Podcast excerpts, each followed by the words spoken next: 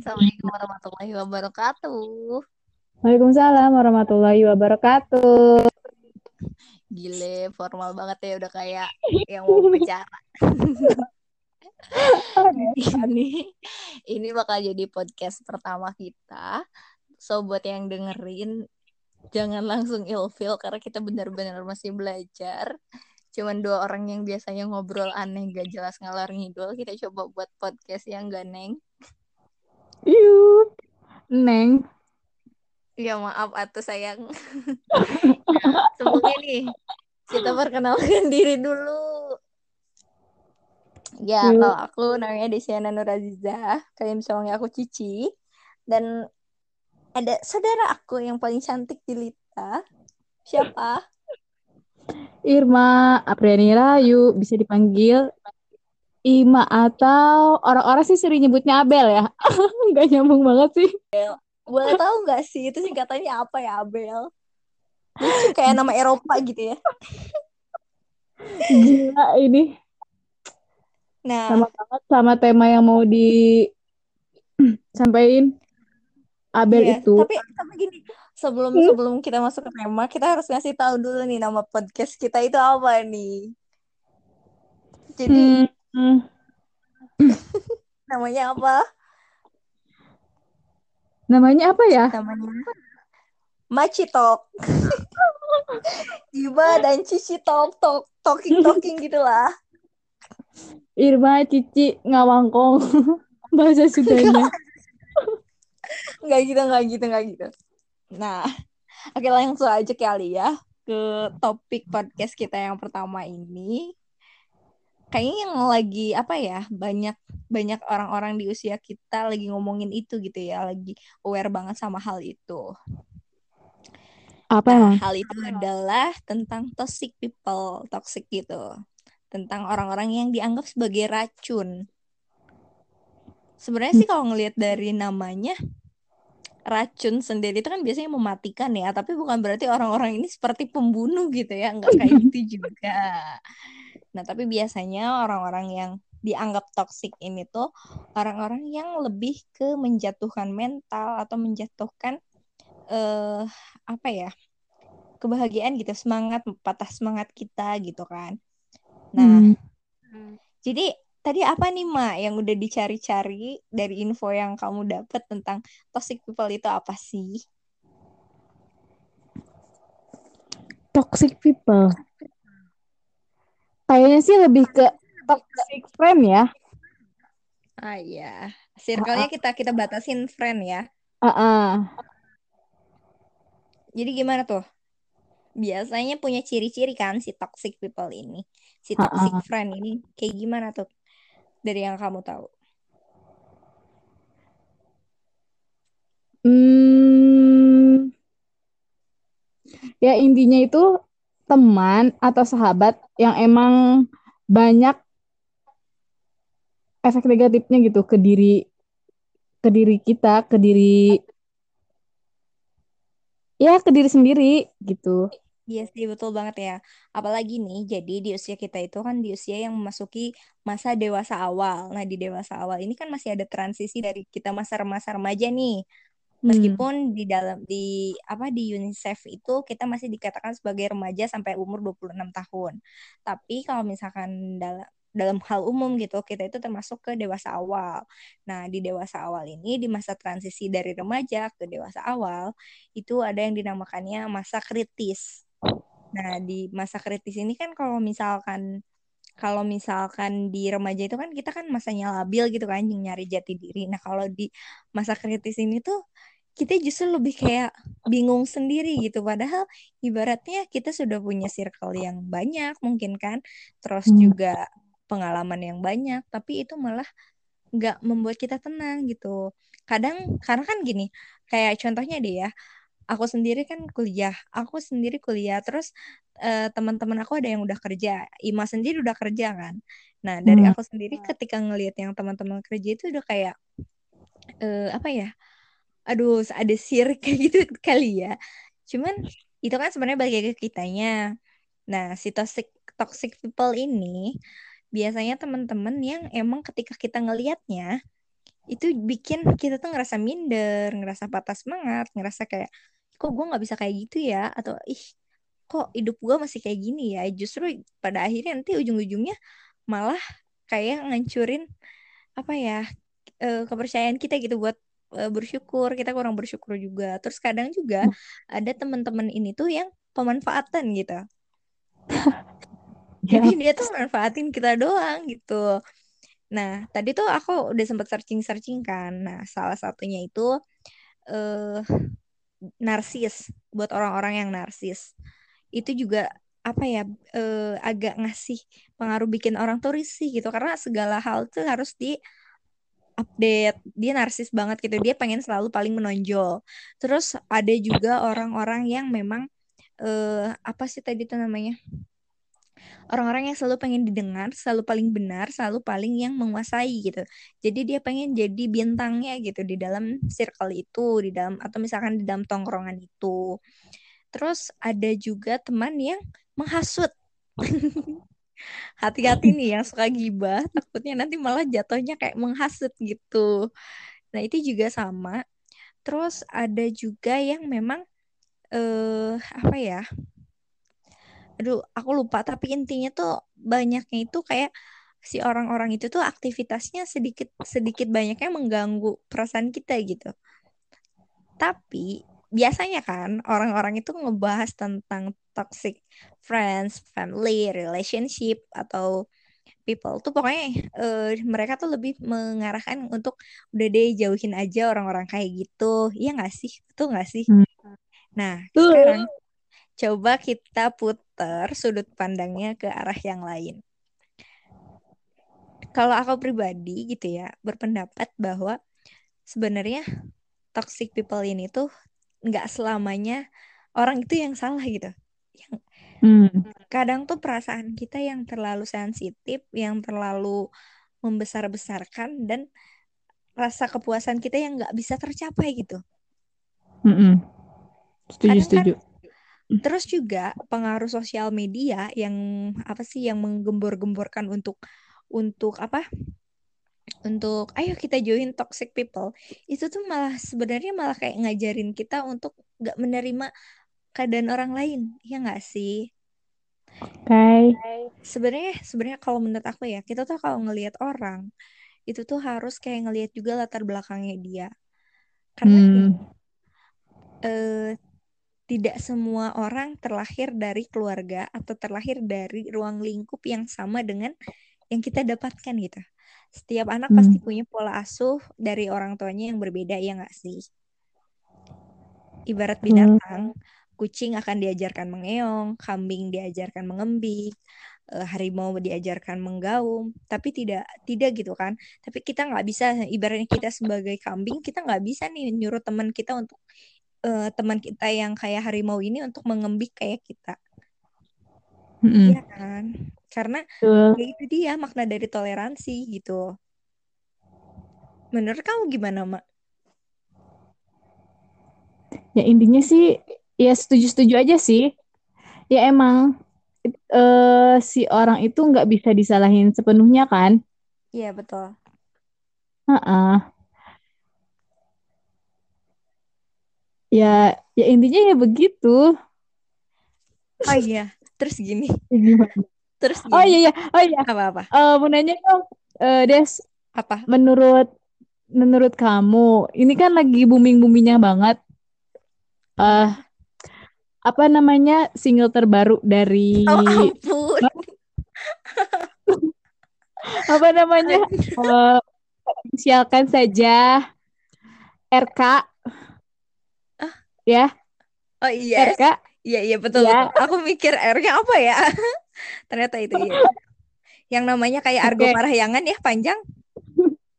ya ya nah mau nanya dong kalau menurut kamu pribadi itu tuh apa dia tuh masuk ke dalam toxic people atau emang ke kitanya aja Eh, yang pertama kan waktu pertama itu kita membahas narsis ya Yes. narsis nah apa itu termasuk apa gimana kalau menurut sudut pandang Desi sendiri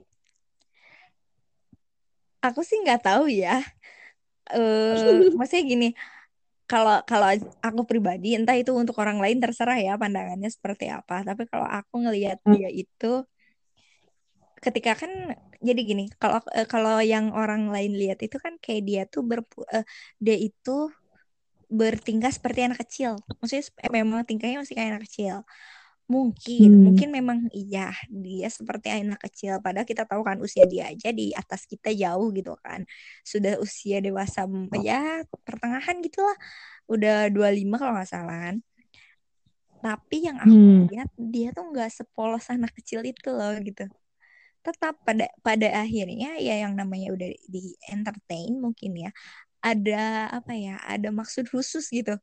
Ada terselubungnya juga. Makanya eh, yang aku anehin tuh kenapa sih maksudnya gini ketika dia dibully dengan beberapa video dia yang tentang mukbang mukbang itu terus dia Hmm. juga yang tentang settingan itu kenapa dia justru malah jadiin itu single mungkin mungkin memang mak- maksudnya dia eh, kayak ngebeli omongan kali ya. Tapi jatuhnya itu bukan kayak ngebeli omongan. Itu nggak lucu. Itu nggak menghibur. Maksudnya menghiburnya bukan bukan sebagai yang emang kamu tahu nggak sih kayak lagu odong-odong? Odong-odong. iya kayak lagu di odong-odong yang anak kecil yang kalau tiap sore disuapin sama mamanya. Iya, iya, iya, iya. maksudnya itu tuh kalau menurut aku pribadi bukan yang ngebeli omongan si cowok yang settingannya sama dia itu yang jadi berantem itu malah jatuhnya kayak makin mempermalukan gak sih Nah, narsis boleh, tapi jangan sampai malah kayak malah bumerang sendirilah ke dia. Hmm. Karena maksudnya kalau kalau nggak salah ya dari lagu itu aja ada kasus barunya gitu. Jadi jadi kan di situ ada yang penggalan lagu lagu dulu ya dari dari artis juga kan. Yang bagian part ininya pokoknya yang bilang bukan boneka bukan bonekanya itu itu kan Yep, penggalan yep. lagu Oh, orang sih lagunya. apa apa apa Skip, skip aja, skip aja. ya skip Lanjut, aja lanjut ya deh. Nah.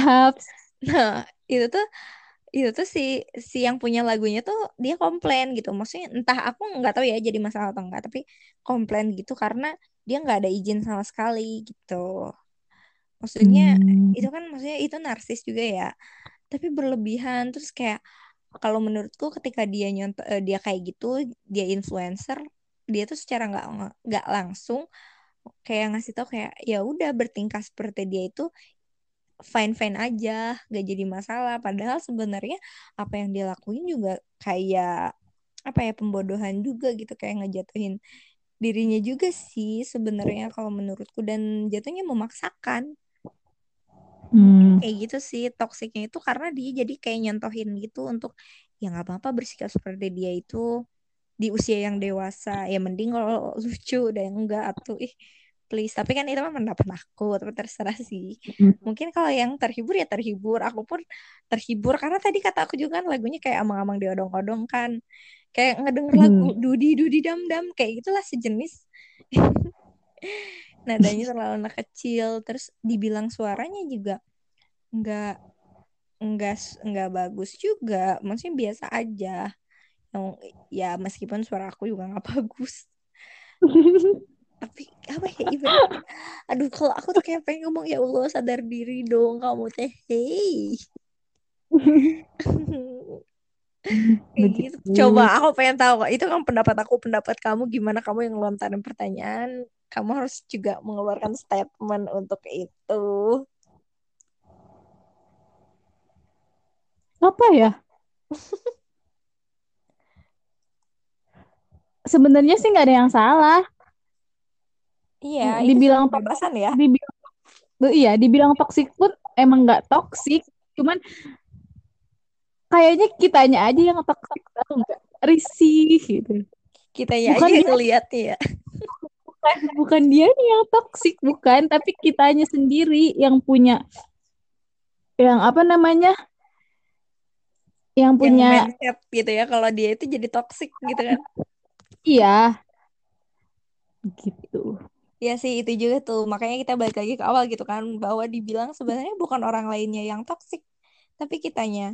Nih aku sendiri ya pernah ngalamin kayak gini. Oke kemarin-kemarin waktu zaman kuliah sekarang masih kuliah sih sebenarnya tapi maksudnya waktu tingkat tingkat tingkat dua tingkat tiga gitu kan banyak kegiatan banyak eh, apa ikut sana sini. Terus dari dari SD pun memang biasa apa sih biasa ikut lomba kegiatan kayak gitu kan terus ya ibaratnya nggak ada berhentinya tuh nggak pernah ada vakum kan dari SD sampai SMA terus kuliah dan itu tuh ruang lingkupnya beda-beda gitu kan nah pas terus Hmm. pas di tingkat akhir memang memang turun kan eh, apa namanya tuh pengen apa pengen fokus di tingkat akhir terus juga Hmm. pengen kayak mulai biar membatasi membatasi apa namanya tuh membatasi ruang biar biar apa ya biar udah deh mau masuk ke dunia kerja sebentar lagi gitu kan Hmm.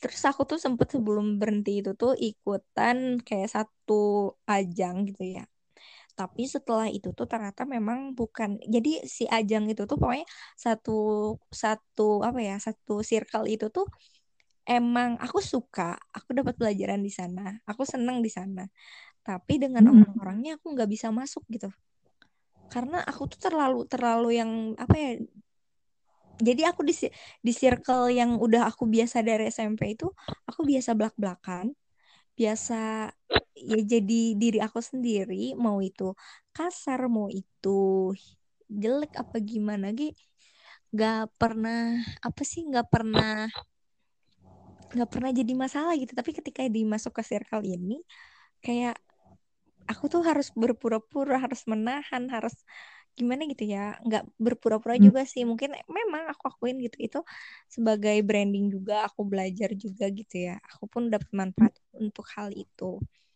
Hmm. tapi ketika aku memutuskan untuk berhenti terus ternyata orang tua aku juga kayak nggak ngedukung gitu di circle itu karena mereka Hmm. tahu basic aku nggak di situ aku kan lambat laun kan keluar kan keluar dari apa dari bukan keluar sih sebenarnya kayak akunya yang nge-close gitu. Memang salah di akunya nge-close gitu. Karena aku ngerasa kayak ya udahlah itu terlalu jauh untuk digapai gitu kan. Nah pas udah gitu eh apa namanya itu ketika aku ngelihat teman-teman yang lain di circle itu eh, medsosnya rame saling berhubungan terus kayak ikut event apa aja mereka ikut gitu kan terus Heeh. A B C D E gitu semuanya event ikutan.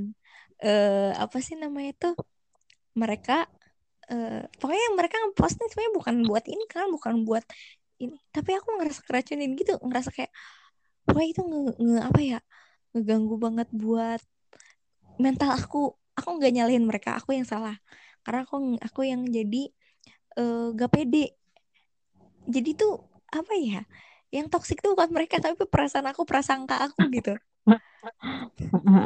Jadi pas aku ngelihat mereka kayak posting gitu ya teman-teman aku. Padahal kan tapi di dalam hati aku juga ih teman-teman aku keren keren buat aku juga pengen kayak gitu. Tapi kenapa ya aku nggak bisa? Ya ampun mereka keren. Tapi jadi jatuhnya tuh kayak bukannya bukannya. Padahal pas aku memutuskan untuk untuk istirahat gitu ya itu tuh ya dalam keadaan yang fine fine aja gitu kan tapi pas aku ngeliat teman-teman yang masih terus aktif di sana kayak ada perasaan yang meronta-ronta gitu. Aduh kataku teh uh, sumpah gak enak banget itu perasaan ya sampai yang emang kayak nangis. Kok aku nggak bisa ya kayak orang? Terus kayak kan kalau yang biasanya kalau yang aktif-aktif gitu kan mereka kayak s- dari pagi sampai malam tuh ada aja kegiatannya. Ngumpul sama temen tuh beda-beda gitu kan. Terus kayak aku kayak mikir kok aku nggak bisa ya kayak mereka? Aku pergi sedikit udah dicariin kayak gitu. Sama halnya dengan kayak ngeliat temen kita udah kerja kita belum gitu masih stuck. Meskipun padahal gini ya lucunya itu yang apa yang kuliah ngelihat yang kerja kayak yang enak yang kerja ngelihat yang kuliah kayak yang ih kamu mah enak masih bisa sekolah. Aku pengen sekolah aja nggak bisa gitu kan. Giliran kita yang kuliah juga kamu enak udah kerja udah bisa beli ini itu udah skin eh, skincarean glowing dan lain-lain kayak gitu. Jadi Hmm. sebenarnya memang memang segitu ya mungkin memang ada orang memang toksik yang eh dia nyebelin gitu. Tapi kita juga ngelihat kenyebelinannya orang itu terus ngelihat latar belakangnya dia juga. Bisa jadi dia pengen paling menonjol karena dia nggak pernah dapat perhatian di rumahnya jadi kayak bisa jadi. iya jadi dia nyari pelarian gitu kan terus Mm-mm. eh, atau memang ibu bapaknya selalu berusaha untuk ngebikin dia tuh yang paling menonjol misalkan jadi ibu bapaknya yang harus nuntut dia jadi apa jadi pusat perhatian gitu otomatis kayak di bawah Mm-mm. alam bawah sadarnya dia tuh kayak oh ya memang aku harus jadi pusat perhatian terus gitu. Dia nggak mau orang lain yang jadi pusat perhatian kayak gitu juga sih. Mungkin bukan lebih baiknya ya kalau menurutku bukan dijauhi ketika memang toksiknya itu nggak bikin nggak rugi-rugi banget gitu. Maksudnya nggak ibaratnya nggak menyakiti kita secara fisik nggak nggak yang emang mengata-ngatai kita gitu kan sampai ngehujat atau gimana kita secara langsung it's okay gitu temenan aja. Cuman kita kayak apa ya kayak membatasi diri terus kayak temenan tapi oh kita kan kayak apa ya melihat dia tuh oh temen aku yang si ini tuh berarti kayak gini ngadepin orang si ini tuh berarti nggak bisa disamain sama teman yang lain gitu loh jadi Mm-mm. mindsetnya kita yang harus belajar sehat gitu iya nggak sih Setuju. Setuju, setuju sekali. kalau kamu punya pengalaman kayak gimana mak Sejauh ini sih di kuliah, di tempat kerja sih mungkin belum belum menemukan, tapi waktu emang zamannya SMP itu banget banget banget. Apa tuh? Itu manusia manusia manusia manusia toksik itu. Oke lah, eh sadar diri ya, misalkan waktu SMP itu kan waktu SMP itu emang belum berhijab. Apalagi di kelas 1 sampai kelas 2 SMP itu kan emang belum berhijab ya ya. Nah, nah, terus rambut aku ini tuh kan keriting ya, keriting, keriting. Nah, orang-orang itu pasti ngejek dengan kata apa ling ling, ling ling, ling ling. Itu ling ling itu bukan bukan orang Chinese kan, tapi karena karena rambut orang itu galing, please. Nah, banyak banget toksik yang ada di SMP itu. Kayaknya kita Makanya senasib deh kalau soal sampai rambut ya. Aku pun sama pernah kayak gitu. Di- Sampai aku pernah marah banget asal waktu SMP, sumpah. Padahal dari kecil aku memang diledekin rambut ya, tapi maksudnya kayak fun-fun aja gitu, lucu-lucu aja. Nggak nggak diambil marah lah. Sampai emang sampai sekarang kalau reunian ada temen aku yang manggil aku gini, "Heh, sarang tawon." Gitu. Tapi emang sih, tapi emang yang paling eh pernah pernah ngalamin sampai stres banget sampai nangis setiap malam gara-gara kelakuan temen-temen pas di SMP kayak gimana? gara-gara mungkin aku orangnya humoris. Ya emang suka bercanda. Jadi orang-orang itu nganggapnya itu Ah, gimana sih? Cina gitu. oh dia tuh orangnya welcome mau diapa-apain pun dia nggak sakit hati gitu. Orang-orang tuh pasti mikirnya tuh kayak Iya gitu. sih karena emang karena emang maupun diejek maupun di apa pun nggak pernah nangis nggak pernah marah malah ya dibalas lagi sama lelucon-lelucon gitu Iya. kan. Terus sampai pernah banget pas SMP itu dipanggil Sule emang karena hidung orang itu pesek please satu angkatan manggil Ya Sule Padahal hello nggak pesek-pesek banget ya, biasa aja gitu.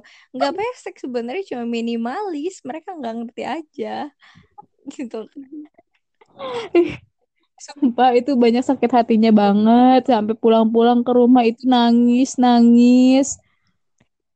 Sumpah sih Ih, sama bener-bener bener banget. nggak mau terus. Itu sih kalau kalau aku sendiri ya, kan rambut aku juga sama gitu Mm, ya, malah lebih parah dari kamu. Mungkin kalau mm, misalkan kamu masih bisa ditolong sama smoothing.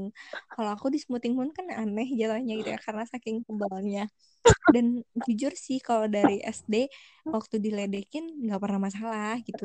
Aku nggak nganggep itu nggak perasaan ya, nggak nggak dibawa perasaan. Cuman waktu SMP kelas satu juga sama waktu baru masuk jadi baru kenal-kenal temen gitu kan. Ceritanya ikut ekskul apa gitu. Aku tuh ganti baju bareng sama mereka.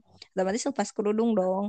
Dan posisi memang rambut aku nggak lagi panjang. Karena waktu SD tuh kan waktu zaman zamannya Rahel kan tomboy tomboy gitu. Jadi emang di set pendek gitu rambutnya. Dan itu emang jatuhnya kayak helm bogo tahu nggak sih? Sumpah. Terus pas udah gitu pas udah apa sih aku ganti baju kan bareng sama dia. Dan ya mungkin karena aku juga belum terlalu kenal dia kan karena teman baru. Cewek gitu kan ganti pas ganti terus dia ketawa ya kok kamu rambutnya kayak gini? katanya. Emang kenapa? Jadi nada ketawanya sama yang nada ininya gitu eh yang aku ngerasa dia nyepelin aku gitu Padahal tuh ya yang aku padahal aku tuh mm, udah memupuk kepercayaan tuh dari kecil gini. Kan jadi aku kalau misalnya dipotong rambut dari kecil tuh sama temennya mama kan. Jadi udah kenal gitu, udah maksudnya emang ngurus mm, rambut aku dari kecil gitu kan. Dan si ibu itu tuh selalu bilang mm, kayak rambut kamu tuh bagus, rambut kamu tuh hitam gak bercabang. Cuman karena tebel doang dan ngembang gitu kan. Tapi dia tuh kayak kok rambut mm, kayak gini sih? Kayak gitu sambil ketawa terus aku kesel kan aku bilang mm, emang kamu bisa bikin rambut kayak gini? Menghina aja kata gitu kan. Terus dia jawab dengan enteng dia jawab apa? Mm, bisa? Anjir dasar bocah ya. Kalau dipikir sekarang lah dipikir bu orang teh kayak gulali bisa dibikin dari gula apa ya? Terus tuh ya. Terus nah dari situ kayak yang tadinya aku fine fine aja punya rambut kayak gini kayak mulai tuh dalam hati tuh kayak mm, ya Allah kenapa sih kayak gini? Ya Allah.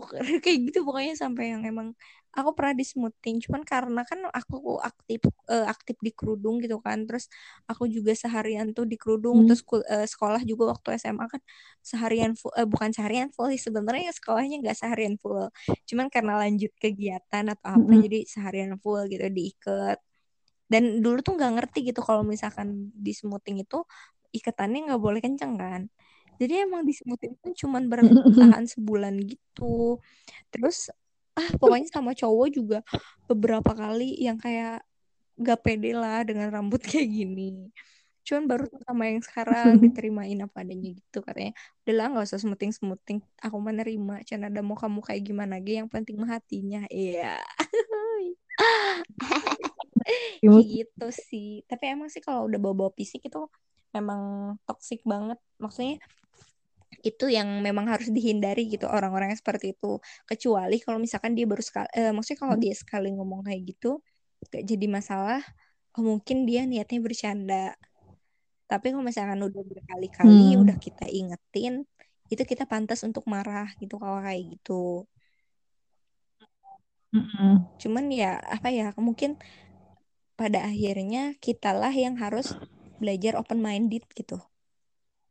Karena karena justru kalau menurut aku ketika Yap. ketika kita nemuin orang yang dianggap kita dianggap sama kita toksik terus kita ninggalin dia tapi itu tergantung sih ya masing-masing orang.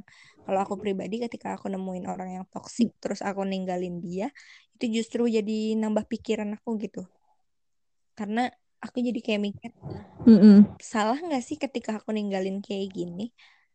Emang kalau aku pribadi aku punya pemikiran kayak gini. Kalau misalkan aku aku ninggalin seseorang karena kekurangannya atau karena sifatnya memangnya diri aku udah sempurna gitu. Gitu, gitu loh ada gitu. Mm-mm. jadi bisa jadi aja aku tuh aku tuh nggak sempurna. Aku tuh toksik juga buat orang lain gitu kenapa sih kita nggak belajar menerima aja Mm-mm. atau memang inilah karya karya Tuhan gitu menciptakan makhluknya dengan berbeda-beda, dengan otak yang tidak sama, rumah yang berbeda, keluarga yang mengasuh pun berbeda caranya, kayak gitu. Ya nggak sih? Debak, debak, debak. Aduh, kayaknya memang memang curahan hati banget gitu ya. Jujur kalau misalkan soal toxic Hmm. ini karena aku pun ngerasa circle pertemanan aku mulai hilang gitu. Maksudnya kayak perlahan orang-orang yang terdekat aku mulai jauh gitu. Entah mungkin karena mungkin kalau aku sih ngerasanya salah satunya karena aku tuh nggak suka main. Jadi kalau main tuh Mm-mm. harus punya tujuan aja gitu. Kalau misalkan cuma sekedar nongkrong-nongkrong tuh aku nggak suka gitu. Kurang suka, kurang Ah. suka sih bukan nggak suka. Kurang suka gitu. Apa ya udah habis masanya gitu. Itu udah waktu zaman SMP, SMA udah pernah main kayak gitu gitu kan.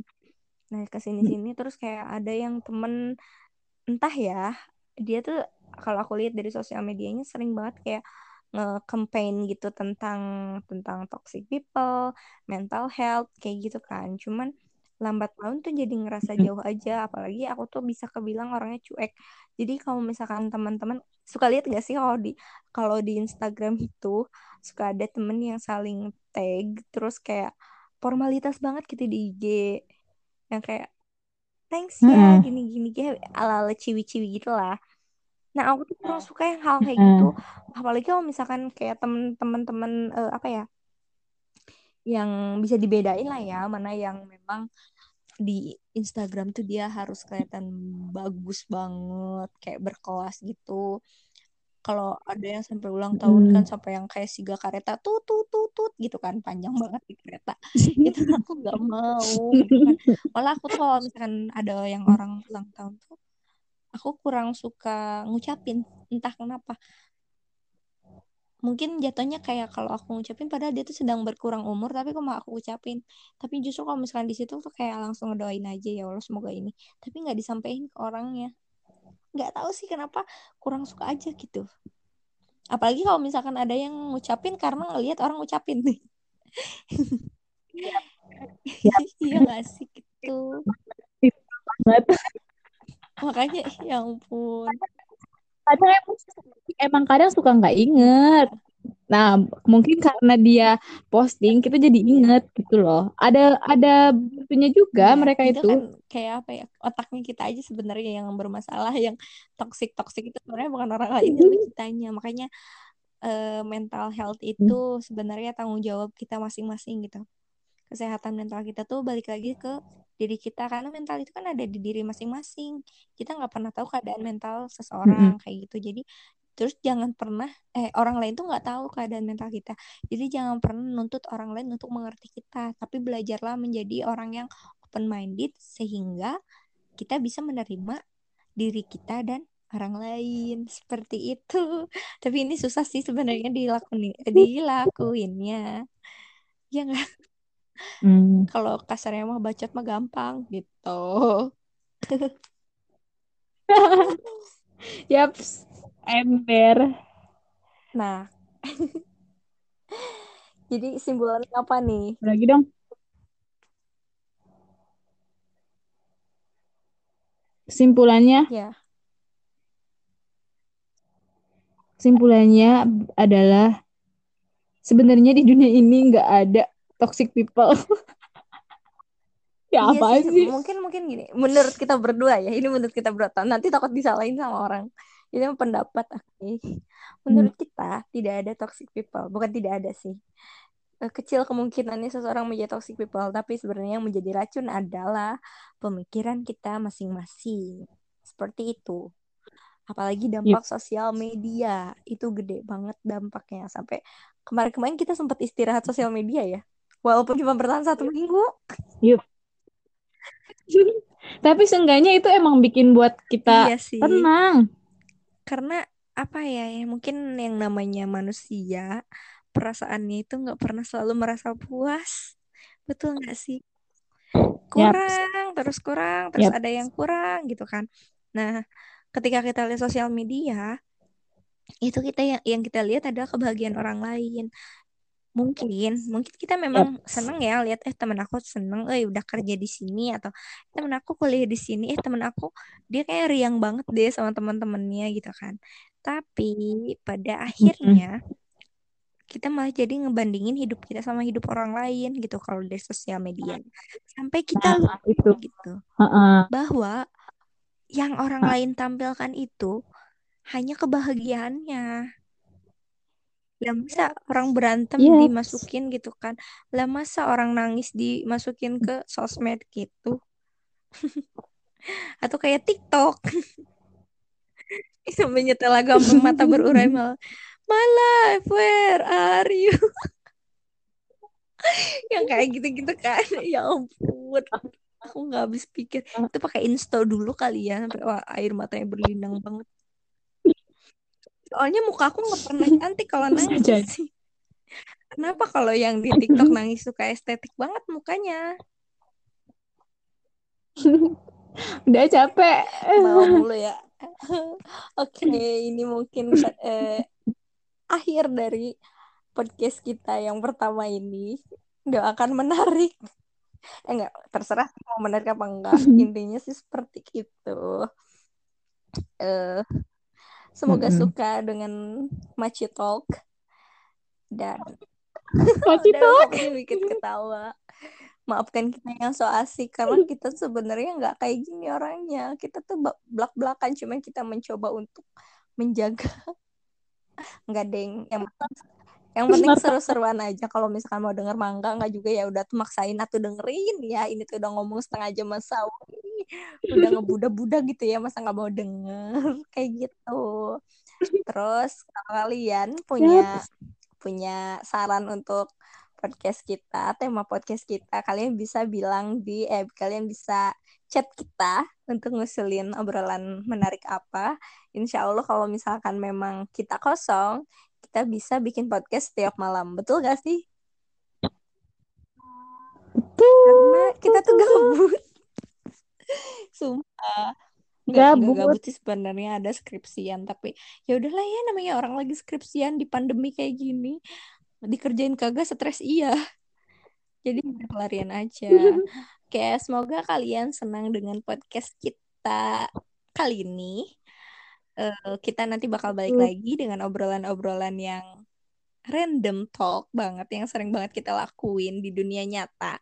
Tapi pada akhirnya kita rekam di sini semoga sedikit sedikit apa ya? Sed- ya, Insya Allah berfaedah ya. ambil yang baik buang yang buruk kayak gitu. Tapi insya Allah wajah kita baik-baik pikiran kita yang buruk. Nggak ada yang bohong. Mah. Ya ente ente heureuy Ente- ah ente heureuy mah berarti beneran dong. Enggak. Koma ini mah heureuy gitu Nah, sekian Yaps. dari Maci Talk semoga kalian senang dan selalu Oke. sehat Assalamualaikum warahmatullahi wabarakatuh selamat malam Malam.